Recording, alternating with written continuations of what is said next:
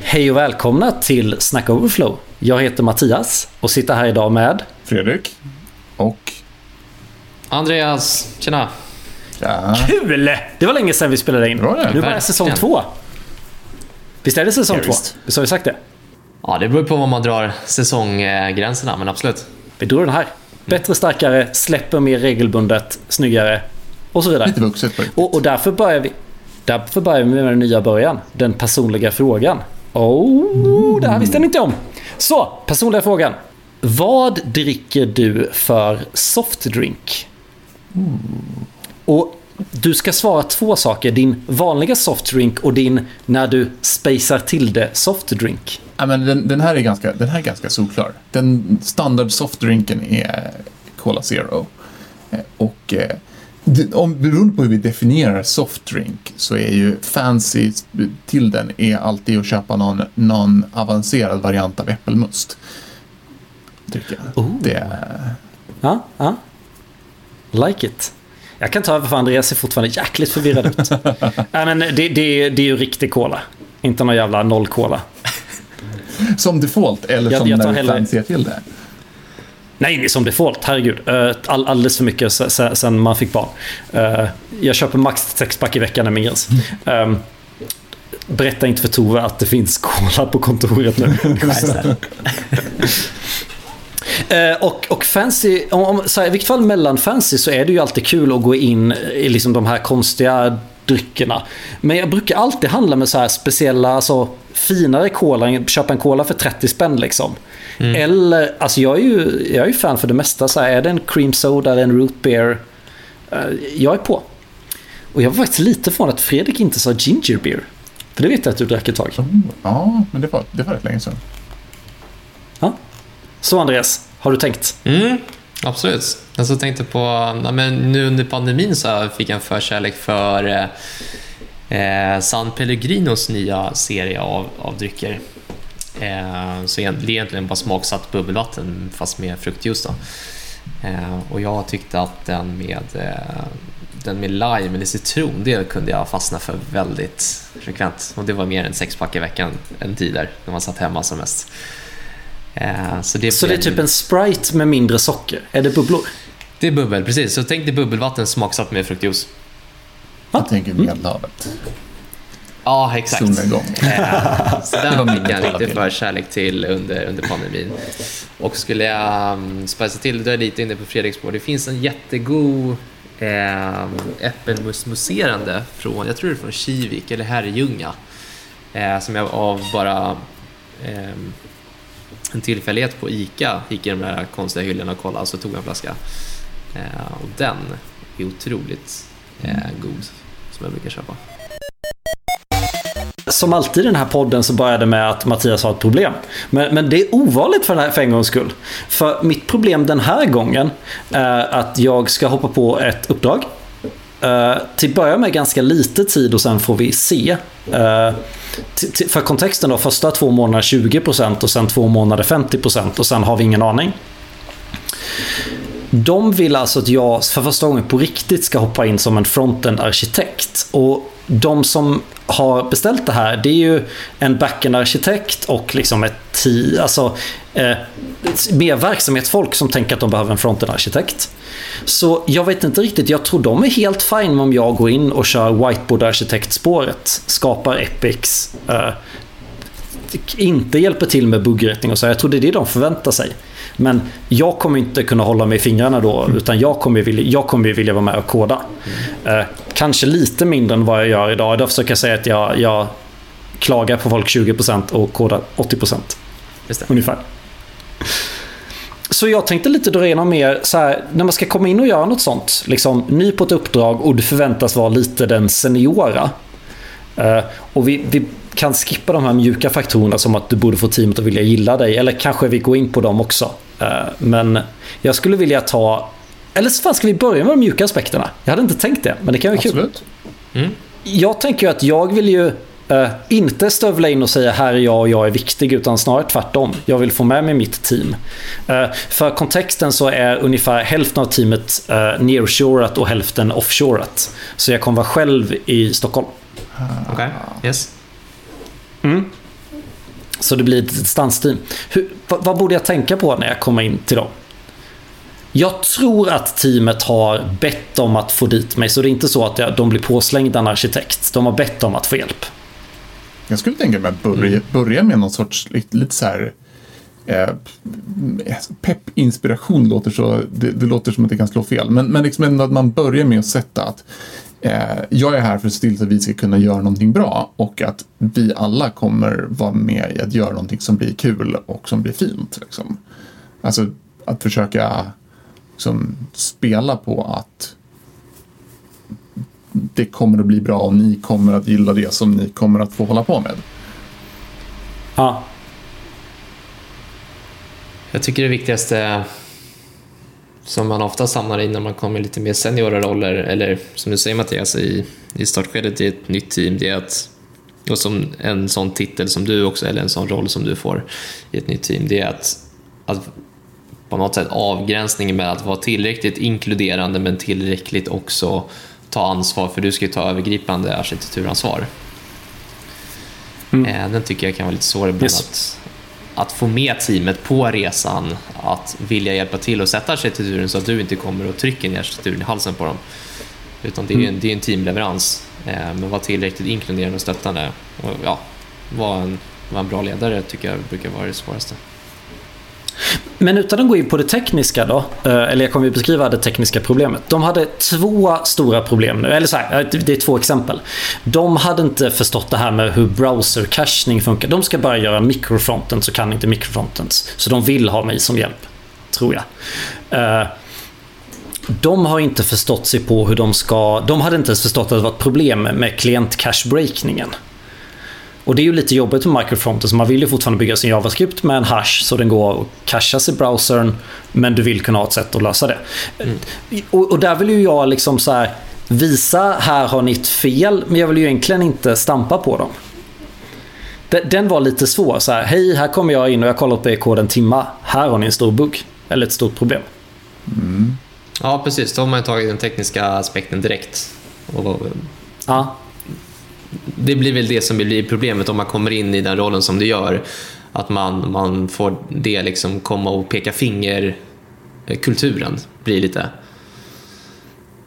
att du kommer in och trycker ner att det här är inte bra, det ni har levererat, levererat hittills är inte tillräckligt bra. Eh, så tror jag, jag tror inte, de, de, har gjort ett, ett eller två väldigt små gränssnitt och jag vet inte om de är ute i produktionens. Mm. Jag tror inte de är ute i produktionens. Hur, kontexten. Det är nästan som man skulle be om, bara så här, fråga bara, är det okej okay om vi tar inspiration ifrån det ni har gjort men rent tekniskt börjar om från början? Om de är i ett sånt läge. Alltså att man liksom, att man kollar det så här och, och sen så för det, det är nog värt att hålla workshops och diskutera alla grejer som behöver finnas på plats. Alltså, jag, jag vet själv, just nu det som jag jobbar med eh, är att hur otroligt viktigt det är att få till vettiga utvecklingsmiljöer. Att själva det dagliga arbetet för utvecklarna måste bli, det måste gå att komma igång, det måste gå att onboarda nya team. Eh, liksom, folk som ska in och bygga saker i den här måste kunna göra det ganska enkelt. För det, det man, alltså, om man lever i en kultur där man har, ja men vi har åtta utvecklare och de åtta utvecklarna har jobbat här ett tag. Då gör det ingenting om det tar fyra dagar att ens få igång appen första gången, för man gjorde det bara en gång. Sen så har man sin dator som man jobbar på hela tiden. Men om vi är en, om vi är en flexibel miljö där det kommer in nya team som ska in i själva plattformen och eh, det ska vara liksom folk som börjar och slutar, då måste det gå, det måste gå lätt. Och det, må, det måste gå lätt att komma från noll till att vara produktiv.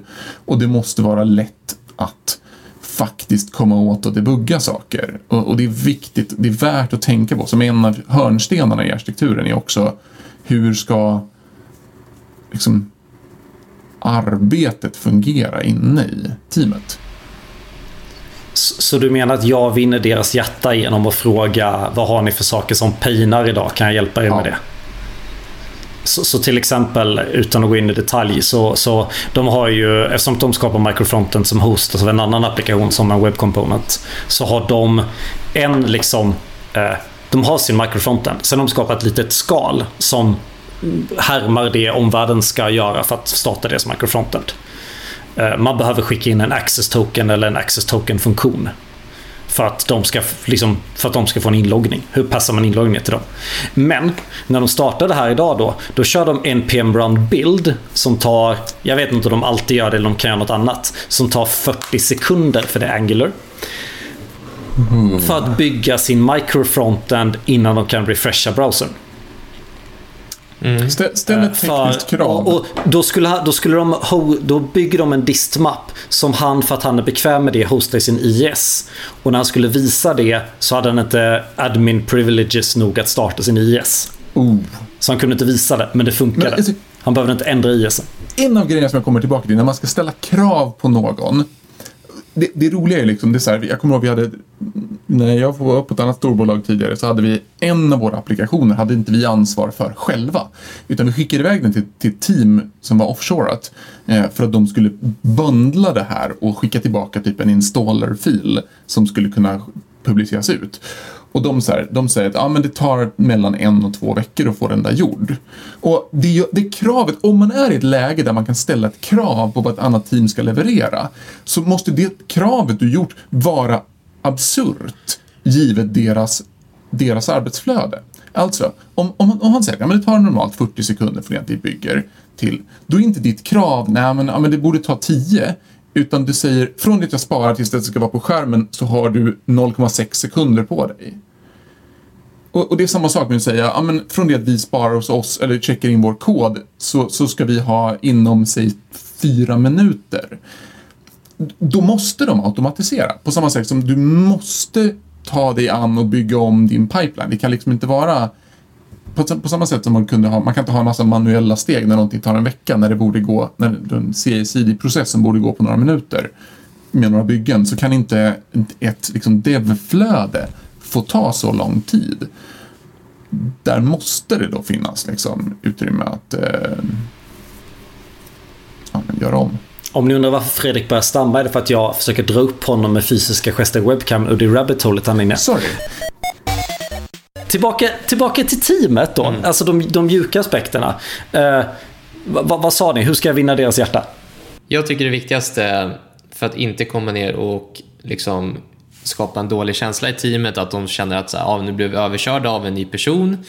Eh, man har ju ändå, även fast man säger att man kanske är prestigelös, så har ju, varje utvecklare har ju lite prestige i sitt arbete som är bra att ha. Mm. Men jag tror att det som är viktigt i din roll Mattias, det är att du ska komma in och kanske lyssna på, okay, vad är era visioner? Hur har ni tänkt bygga det här framöver? Om ni skulle få bygga det här idag. Vill ni fortsätta på det här spåret? Eh, och då tror jag att det kan vara viktigt för dig att flika in där, okej okay, men om jag skulle få lägga in lite perspektiv här så skulle jag göra så här, för då skulle vi vinna på det här sättet. Mm. Då känner man sig inte lika överkörd som att någon kommer och, och trycker ner ett, ett flödesdiagram i käften på dem och säger gör så här, nu kan jag gå och ta en kaffe och så ses vi om en timme när ni har byggt klart där. Så brukar jag i alla fall göra, att jag involverar teamen i början.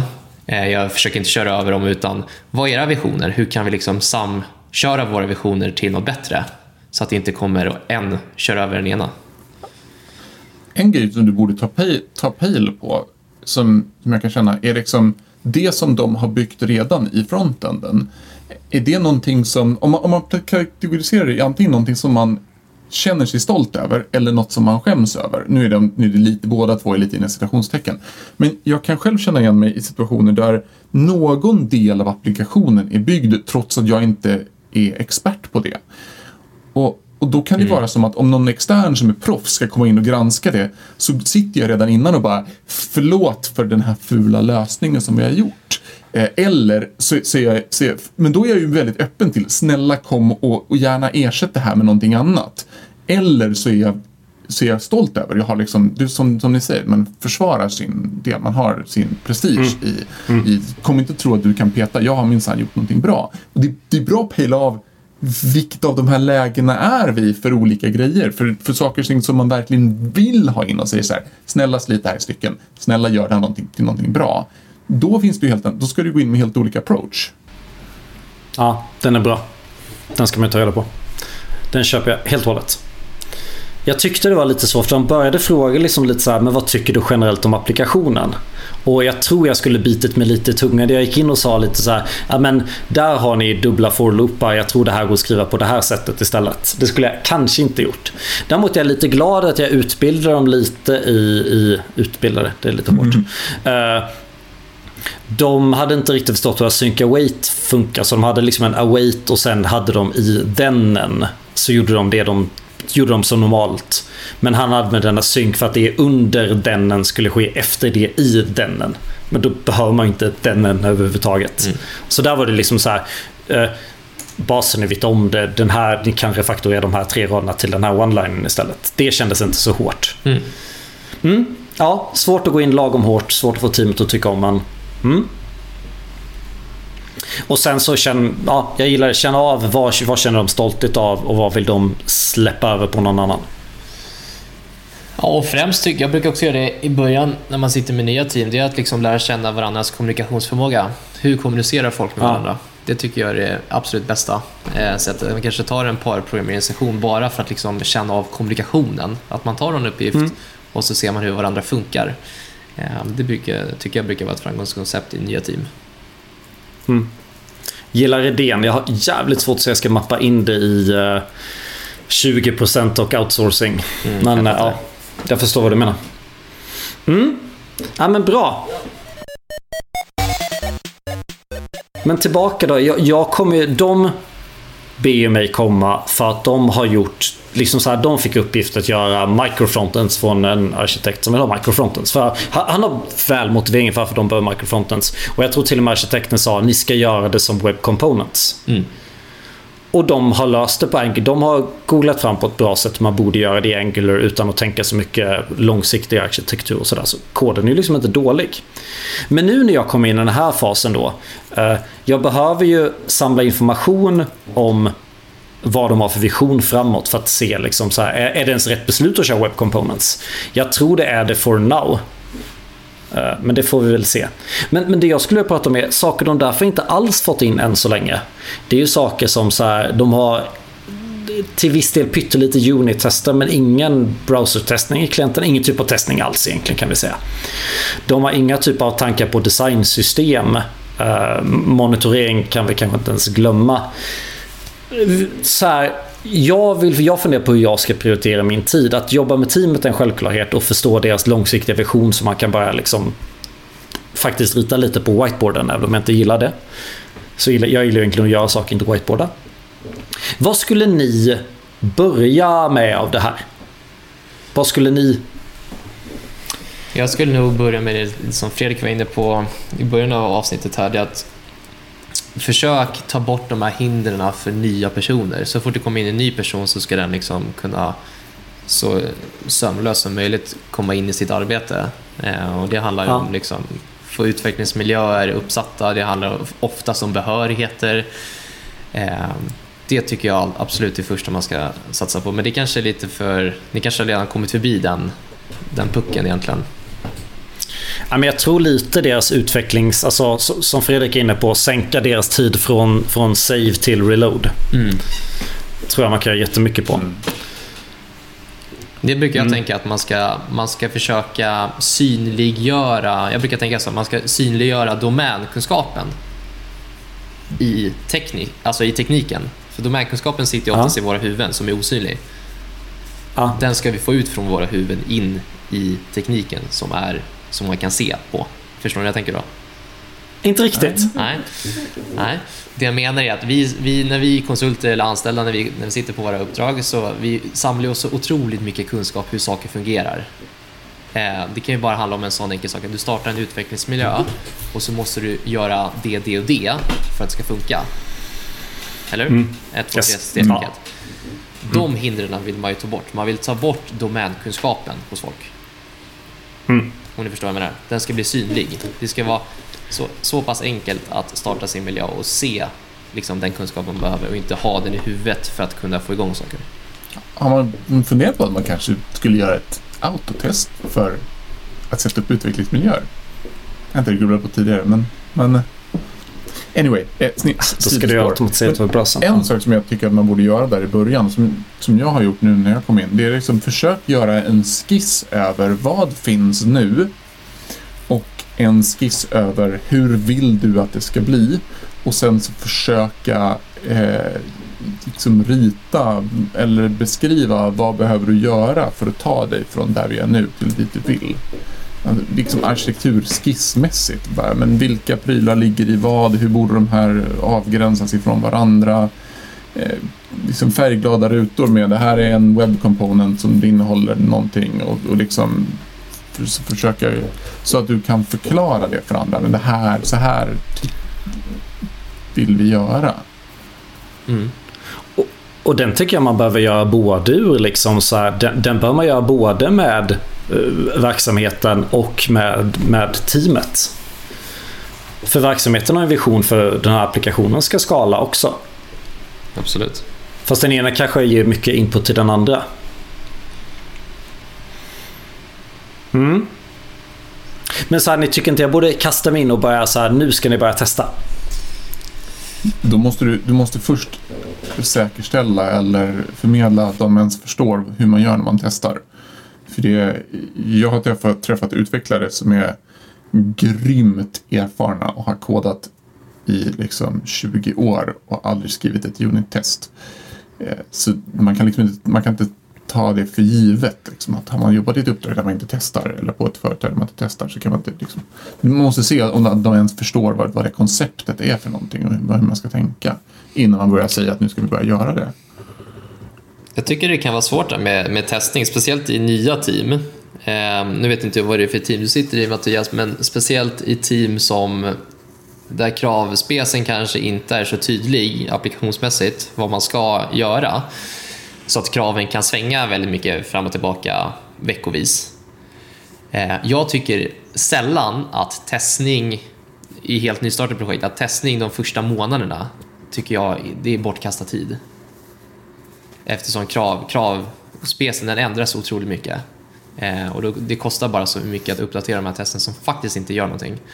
Eh, så jag brukar tänka i nya team, liksom så fort det ligger kanske i en testmiljö eller snäppet över och liksom när man har börjat få en mognadsgrad i sitt projekt, ja men då satsa mer då på testning. Men i början så tycker jag att det är mer överflödigt.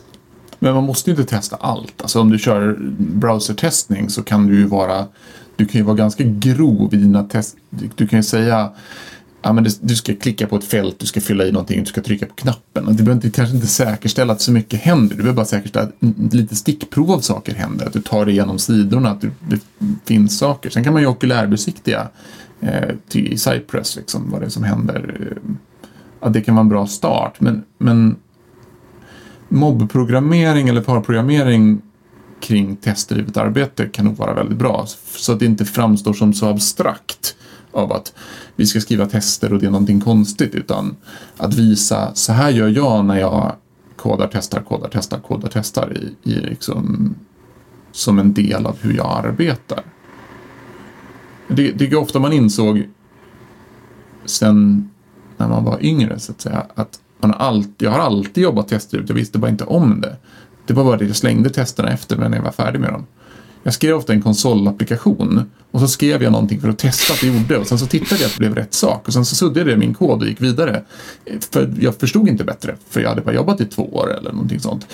Medan när man får in rutinen så fattar man att det, det, man borde göra är precis samma sak. Det är bara att man, man låter de där testerna stå kvar och sen så skriver man typ non-assert för att testa vad det, man vill, vad det var man faktiskt var ute efter. Mm. Jobba med att demystifiera testning och testdriven utveckling. Nej men det är ju därför jag tog upp det här, för jag, har, jag är ju själv, alltså om jag var frälst på testningen har jag blivit ännu mer frälst på testning nu. Jag har ju på riktigt slutat klicka min browser förutom när jag CSS-kodande, liksom skapar typ sådana UI-komponenter så använder jag browsern. Men kodar jag ett flöde, då automatiserar jag det samtidigt som jag kodar för att slippa klicka i browsern. Så det är ju liksom, det är därför jag frågar. För att jag vet att jag själv är frälst och jag mm. vill inte vara frälst. Mm. Eller jag vill inte att min frälsthet ska onödigt läcka över på andra. Mm, När skapar man sitt designsystem då? Eller sitt, alltså det behöver inte vara ett designsystem, men när gör man första steget för att ge, ha gemensamma komponenter? Nu blir det verkligen en teknisk fråga, men återigen då scenariot. De, de vet redan nu att de har två applikationer de här mikrofrontendarna kommer leva i. Och Tanken är väl att de här, och det vet de väl inte riktigt om de här två applikationerna är mergade till en applikation om överskådlig tid. Mm. Eller om mikrofrontendarna kommer leva vidare men kanske i sju, åtta olika applikationer. Mm. Alltså en... Troligtvis så vet de att de här två applikationerna inte kommer vara två applikationer om tre år om de får som de vill. Alltså, Och det är därför de bara är microfrontends nu. det är en... när, om man ska gå in lite tekniskt på, på hur jag tycker man borde göra det här. Är att eh, skapa upp ett komponentbibliotek dag ett. Eh, hitta ett sätt att, eh, alltså att, att integrera så att du kan köra ditt komponentbibliotek liksom på datorn bredvid och, och så du kan länka ihop dem med npm-link eller någonting sånt så att du kan, så du kan ändra i koden. Sen, sen gör du rent organisationsmässigt så du strukturerar ditt komponentbibliotek så att du har kataloger för varje team och sen en common-katalog. Så att när mitt I, i designsystemet. Så att, att Mm. eftersom att du måste börja komma igång, du måste vara produktiv. Det gör ingenting om team A bygger en button och team B också bygger en button. Och sen kan ni mötas senare och komma överens om att ah, men vi, vi vill göra en, en common button som vi är överens om när vi har något forum och workshops där vi diskuterar vilka komponenter vi behöver. Och då kan vi flytta saker till den gemensamma. Eh, och så bara checka in det här hela tiden. Bara liksom sitta och tryck, tryck dem. Bara så man får ruljansen. Medan man ändå får in arbetsflödet av att vi, vi lägger de sakerna i komponentbiblioteket. Även om det finns dubbletter av grejer. Och sen så börja jobba därifrån. Sen, sen när det här har kommit en bit på vägen, då kan man börja harmonisera dem. Och säga okej, men nu ska vi göra ett stort arbete och nu har vi kommit till en mognadsgrad och nu ska vi göra officiella komponenter och ni får börja migrera och ha oss. Ha oss, ha oss liksom. men, men att Ja, jag köper vad du säger. Vad tänker Andreas? Jag tänker hur det har varit tidigare och vad som har fungerat. Jag har ju byggt, eh, ja, vi var inne på nu, fjärde, fjärde komponentbiblioteket. så jag är väl hyfsat ruttig på det, ska jag säga, eh, vid det här laget. Men eh, jag satt och tänkte på det som Fredrik sa, att visst att alla kan börja härja runt och bygga eh, liksom, liknande komponenter och liksom, som på någon, någon gång i tiden trattas ner till en generell komponent. Eh, problemet, som är en, orga- eller en organisatorisk sak, det är vem som tar investeringen sen att göra det till ett komponentbibliotek. Om man inte har ett community kring det som faktiskt jobbar tillsammans. Eh, men det är lite mer mjuk sak, men det är oftast det som vi har hamnat i. Vilket team tar investeringen sen att merge upp komponenterna? Det är sällan någon som vill ta den investeringen för alla har så otroligt pressade tids eh, eller deadlines och liksom backlogs som ska fyllas. Eh, och då har man plötsligt tre komponentbibliotek istället för ett. det rimliga, Ehm. det rimliga hade ju egentligen varit att, att när antingen så bestämmer man sig för det från början. Så om man ska köra den här hybridvarianten då måste man, när, när vi når mognadsgraden av att, att nu, nu är vi ett riktigt system och inte bara lite proof of, concept-grejer. Då borde någon eller något team ha ansvar för komponentbiblioteket på heltid. Så att det är, Ja, någon, eller det är någon som bygger det. Eller att alla, eller att alla är li, lika ansvar. Alla lägger liksom, om jag talar skin in the game, att alla har lika mycket skyldighet till att faktiskt bidra.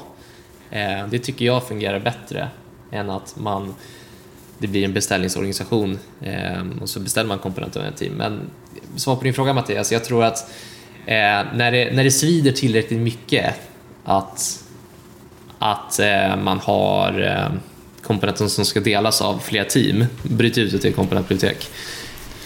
Fast eh, då har ni lite missförstått mig, för det är fortfarande bara det här teamet. Sen så tänker de sig att den arkitekturen vi skapar ska skala till fler team. Men just nu är det bara ett team. Men det är två microfrontends i det här team. Ja, fan nej, det är en microfrontend med två gränssnitt bara. Mm. Så därför undrar jag liksom när man gör det. Sen har jag, jag har två SE rockärmar till på den här frågan om ni vill spinna den lite till. Ni verkade tycka det gick igång på det här, så jag tänker spinna den då. Mm, kör. Eh, Spin 1 är att det verkar inte som att teamet uppskattar så mycket att göra CSS-arbetet. Delvis baserat på hur det ser ut eh, och delvis hur de har kodat det.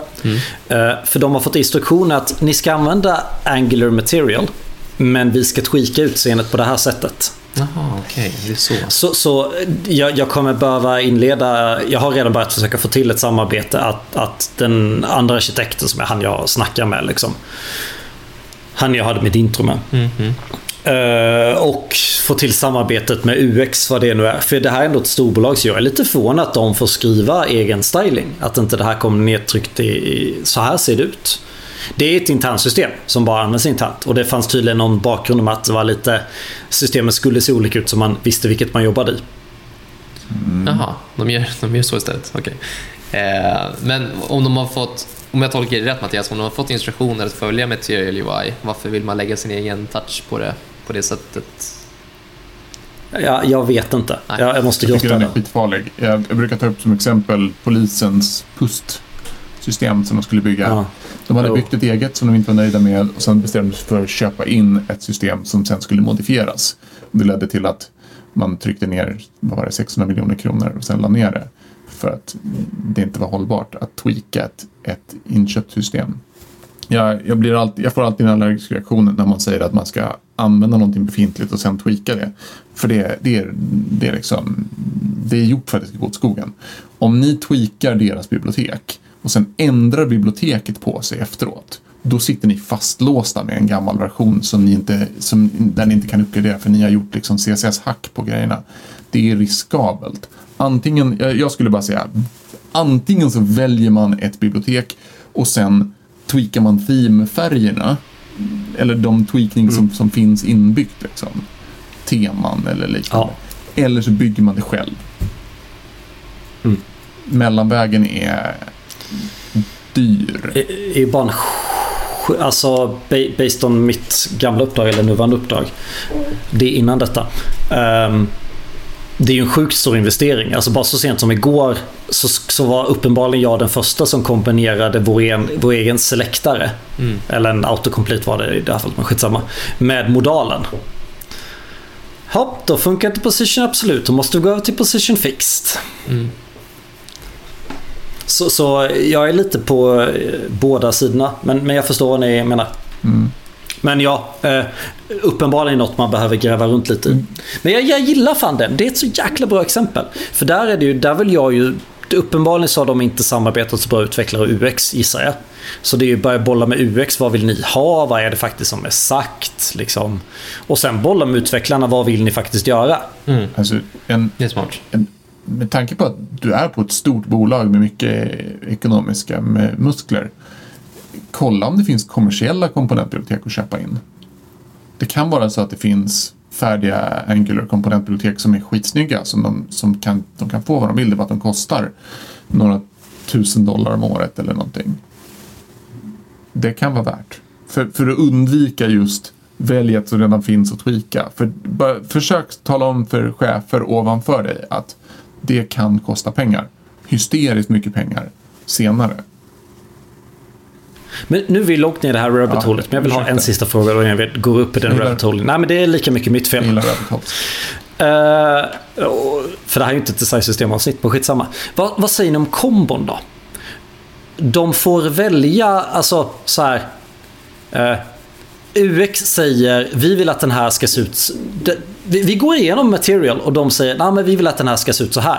Och då säger vi en siffra mellan 1 och 10 hur dyr den kommer vara att tweaka så. Eller så här, att man blandar vissa komponenter våra och vissa tar vi från designsystemet. Säg till exempel, eh, vi vill inte göra modalen för vi hatar accessibility. Ja men okej, ja, men modalen ser bra ut. Kan ni byta bakgrundsfärgen? Då kan vi svara, jo men vi kan byta bakgrundsfärgen nu men vi kan inte lova att den blir kvar. Så det är du som får se till att kolla igenom det när vi, ja jag vet inte. Mm. Att man tar de lätta komponenterna och gör själva. Knappen kan man göra själv. Om man vill ha sina rundade hörn. Men man kan, kan ta autocompleten för där tycker UX att den ser bra nog relativt för kostnaden att bygga en egen. Har vi, Tror ni har på vi det? kompetensen att göra den bedömningen? Jag, jag bara vet att det, det är ofta Ja. så att det, det, det är inte de saker man förväntar sig ska vara svåra som är svåra. Ja men då får man kanske revisita det en stund in i den investeringen. Jo, det är okej. Men bara för att ta liksom så här, ja. Jag tycker att det kan vara... Ja, jag... Ja, ja. Jag tycker ibland när man sitter och jämför med de här stora som Apples och Googles som liksom har erfarenheten av att, nu, jag ska bara göra lite sidospår så kommer jag tillbaka till, till det du pratar om Mattias, men som liksom har kompetensen att tagit fram sådana här komponentbibliotek som funkar, liksom, de funkar riktigt bra. Eh, och som du säger, att då liksom dra in kombos, vi använder det vi tycker ish fungerar, eller det vi inte vill bygga själva, men med lite tweaks, lite magi så här. Eh, och så bygger vi resten själv. Vad händer på den fronten den dagen Material UI eller Apple plötsligt så här, vi gör om allt. Stannar man kvar på den versionen av det systemet eller är det först då man tar hem det? Bygger om det själv. Och det kanske är helt fine att ta den investeringen då. Men bara, ja, det är något som jag sitter och funderar på. Ja, jag förstår vad du menar. Så För- fråga. Ja, för det jag tycker är spännande där, just i, säg att man, man drar in Material UI helt fullkomligt. Eh, så här, ja, vi köper det, vi har inget komponentbibliotek, vi har det som finns på stan. Eh, och så har man UX UI designers som eh, går lös, så här, ah, vi måste göra det här, vi gör, det här. Och plötsligt, sakta men säkert, så börjar man ju gå emot Material UIs liksom, designregler. Det är det du är lite inne på. Att UX och UI vill ha det lite tweaks hela tiden. Men då tycker jag att det är, det är mer på designernas ansvar att, att sätta sig in i regelverken som de sällan gör. De, de, gör, de drar in sina personliga preferenser och liksom, det här är snyggt, det här kommer funka. Men då går man ju emot ja, dels sitt eget regelverk men också liksom det regelverk man har valt att sätta. Det tycker Ja, jag är det största, det största, eh, största problemet. Då, då är fan problemet, nu är vi långt ner där trott, skitsamma. Eh, eh, man vill ju börja fort. Man vill ju inte ta investeringen i designsystemet nu. Precis. Så nu skulle jag ju vilja säga gå full-blown material och ni får inte styla det. Ja. Men sen vill jag någon gång göra liksom, fast nu går vi över till att slippa, nu blir av med material helt och hållet. Och det vet man ju aldrig kommer hända. Ingen kommer städa undan den tekniska Kan, skulden. ni göra ett, Nej, exakt, för då är det för mycket investering. kan det vara värt att göra ett wrapper-bibliotek? Alltså att säga att, Kanske. att det ni har är en, en egen... Att ni får inte använda några av deras komponenter. Ni måste skapa en egen button som innehåller deras button. Och så vidare. För att liksom förbereda sig för att här kommer vi bygga egna komponenter senare. För om, om, alla, komponent, om alla referenserar Material UI direkt, då, kan, då blir det ju jobbigt att bygga sig loss från det senare. Anyway, sidospår. Japp. Men, men tanken är bra. Eh, De använder den gemensamma knappen och de bryr sig inte hur knappen ser ut. Precis. Kan bli lite svårt för att storlekar skiljer, men jag förstår principen. Yes. Ja men topp, då har vi gått ner långt i det här rabbit holet. Jag har flera punkter kvar men de skjuter vi till nästa veckas avsnitt när vi kör del två av det här. Så med det sagt över till veckans tips och idag är det Fredrik som har lovat ett så saftigt veckans tips att vi bara kör det. Ja, nej men eh, senaste upptäckten, grävningen, eh, någonting som jag har nördat in mig på. Är, jag har hållit på länge och, och, och jagat byggmotorer och på med. Allt började med att jag lackade på Webpack en gång i tiden och varit asförbannad. Hållit på och kört Parcel ganska länge. Eh, kört eh, Ja, men letat runt efter så här, men hur borde man arbeta i framtiden? Och, och senaste nu som var roligt var att leka med, det är att köra en byggmotor som heter ES-bild. Ehm, som är liksom helt enkelt bara fruktansvärt mycket snabbare. Byggd i Go från grunden istället för i JavaScript. Ehm, sen ehm, det är den som används under kulisserna ifall man, man har kört Vit.js. Eh, det, det är massa saker byggda ovanpå. Men, men det, det har varit värt för mig att lära mig att sätta mig in och köra ES-bild bara som det är. Ehm, och speciellt till att bygga singles-på-applikationer så var det, har varit det väldigt praktiskt. Även om man var tvungen att, bråka med en del grejer. Ehm, stödet för Vue var sådär. Det gick att fixa. Men Men då måste jag fråga där. För sen jag började med microfrontends och bygger lagom stora microfrontends och ser till att jag inte bundlar med libbet. Om det är view eller vilket den är. I mitt fall är det view. Så tycker jag att mina byggtider ändå så här tre sekunder. Alltså i cold start och, och en sekund i liksom reload. Fast jag skulle säga att det är, det, det är bara halva grejen. Det är kul att det, att det är korta byggtider, vilket i och för sig är väldigt trevligt. Men Alltså alla verktyg, alla andra verktyg förutom Webpack, oavsett om det är Parcel eller om det är, är Rollup eller om det i det här fallet är ESBuild, känns som att alla de har enklare och mer begripliga konfigurationer än vad Webpack har. Ehm, det, ehm, det kanske bara är jag, men det känns som att Webpack måste, det är flera saker som man måste förstå bakom kulisserna och veta om att det är särskilda loaders för olika saker. Färre saker som är liksom färdigpreppat åt dig. Um, jag tyckte i alla fall det var smidigt. Det, det är värt, att, det är värt att, mm, att gräva i och sätta sig ner och lägga någon, någon eller några dagar på, på att prova. Och som ni hör lyssnare, veckans guld, precis som jag lovade. Topp, då har vi det avsnittet. Kul att höras. Ses killar, ha det bra. Hej!